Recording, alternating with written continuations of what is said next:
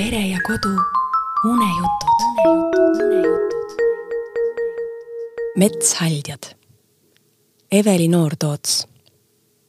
täna tahan sulle jutustada metshaldjatest.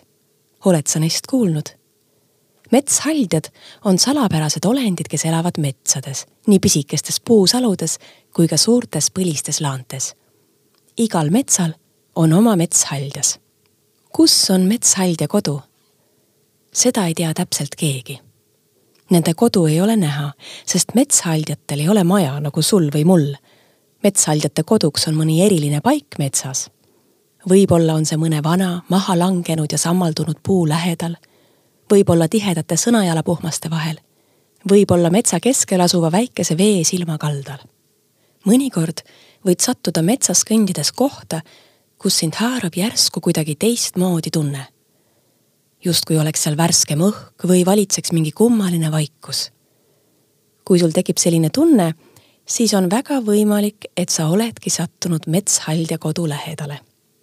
metshaldja kodu lähedal valitseb alati eriline hingus. ole sinagi siis vaikselt ja naudi seda maagiat. metshaldjas ei pahanda, kui sa tema koju satud.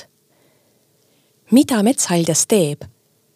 metshaldja ülesandeks on hoida ja valvata seda metsa, kus ta elab kevadel aitab ta sinililledel samblavaiba alt välja tulla ja näitab lindudele kätte parimad pesapaigad. suvel õpetab metshaljas pisikestele loomalastele vajalikke elutarkusi. sügisel hoolitseb ta seenepõldude eest. talvel aga valvab kõigi magavate loomade ja taimede üle. metshaljat ei ole vaja karta. ta hoiab ja kaitseb metsa, kuid ei tee inimestele viga. vastupidi, on teada juhuseid, kus metshaljas on inimesi hoopis aidanud näiteks kui oled eksinud ja arvad, et ei leia enam kunagi koduteed, siis äkki, justkui oleks keegi näidanud, leiad sa üles õige teeotsa ja jõuad õnnelikult koju. võib-olla see oligi metshaljas, kes sind aitas. aga mis siis, kui metsa tulevad traktorid ja hakkavad mürisema mootorsaed ning metsast ei jää järele muud kui kännud? siis metshaljas nutab ta valab kibedaid pisaraid oma lõhutud kodu ja kõigi nende lindude ja loomade pärast, kelle koduks mets oli. metshaldjas nutab ja tal on väga valus. kui mets hävib, siis metshaldjas ei sure.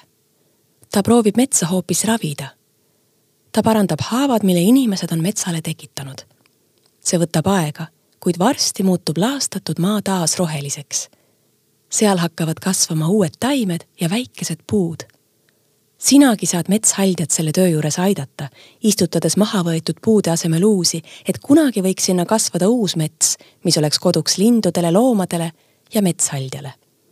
metshaldjas on sulle selle eest tänulik. tavaliselt ei ole metshaldjat näha. tema kohalolekut võib ainult tunda. vaid väga vähestel inimestel on õnnestunud metshaldjat kohata. see on olnud nagu kerge välgatus või vari puude vahel metshaljas ei taha, et inimesed teda näeksid. samas, kui sa metsas kõndides teinekord kohtad mõnd looma või lindu, kes sind puude tagant uudishimulikult piidleb, siis mine tea, võib-olla on metshaljas koos temaga, ainult et sinule on ta nähtamatu. järgmine kord, kui sa metsa lähed, siis käi seal ringi avatud silmadega. vaata, kas sa märkad metshaldja kätetööd.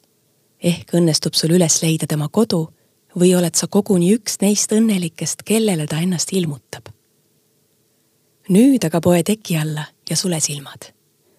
olen kindel, et unehaldjas juba ootab, millal saab sulle ilusaid unenägusid tuua. ah, et kes on unehaldjas? temast jutustan ma sulle teinekord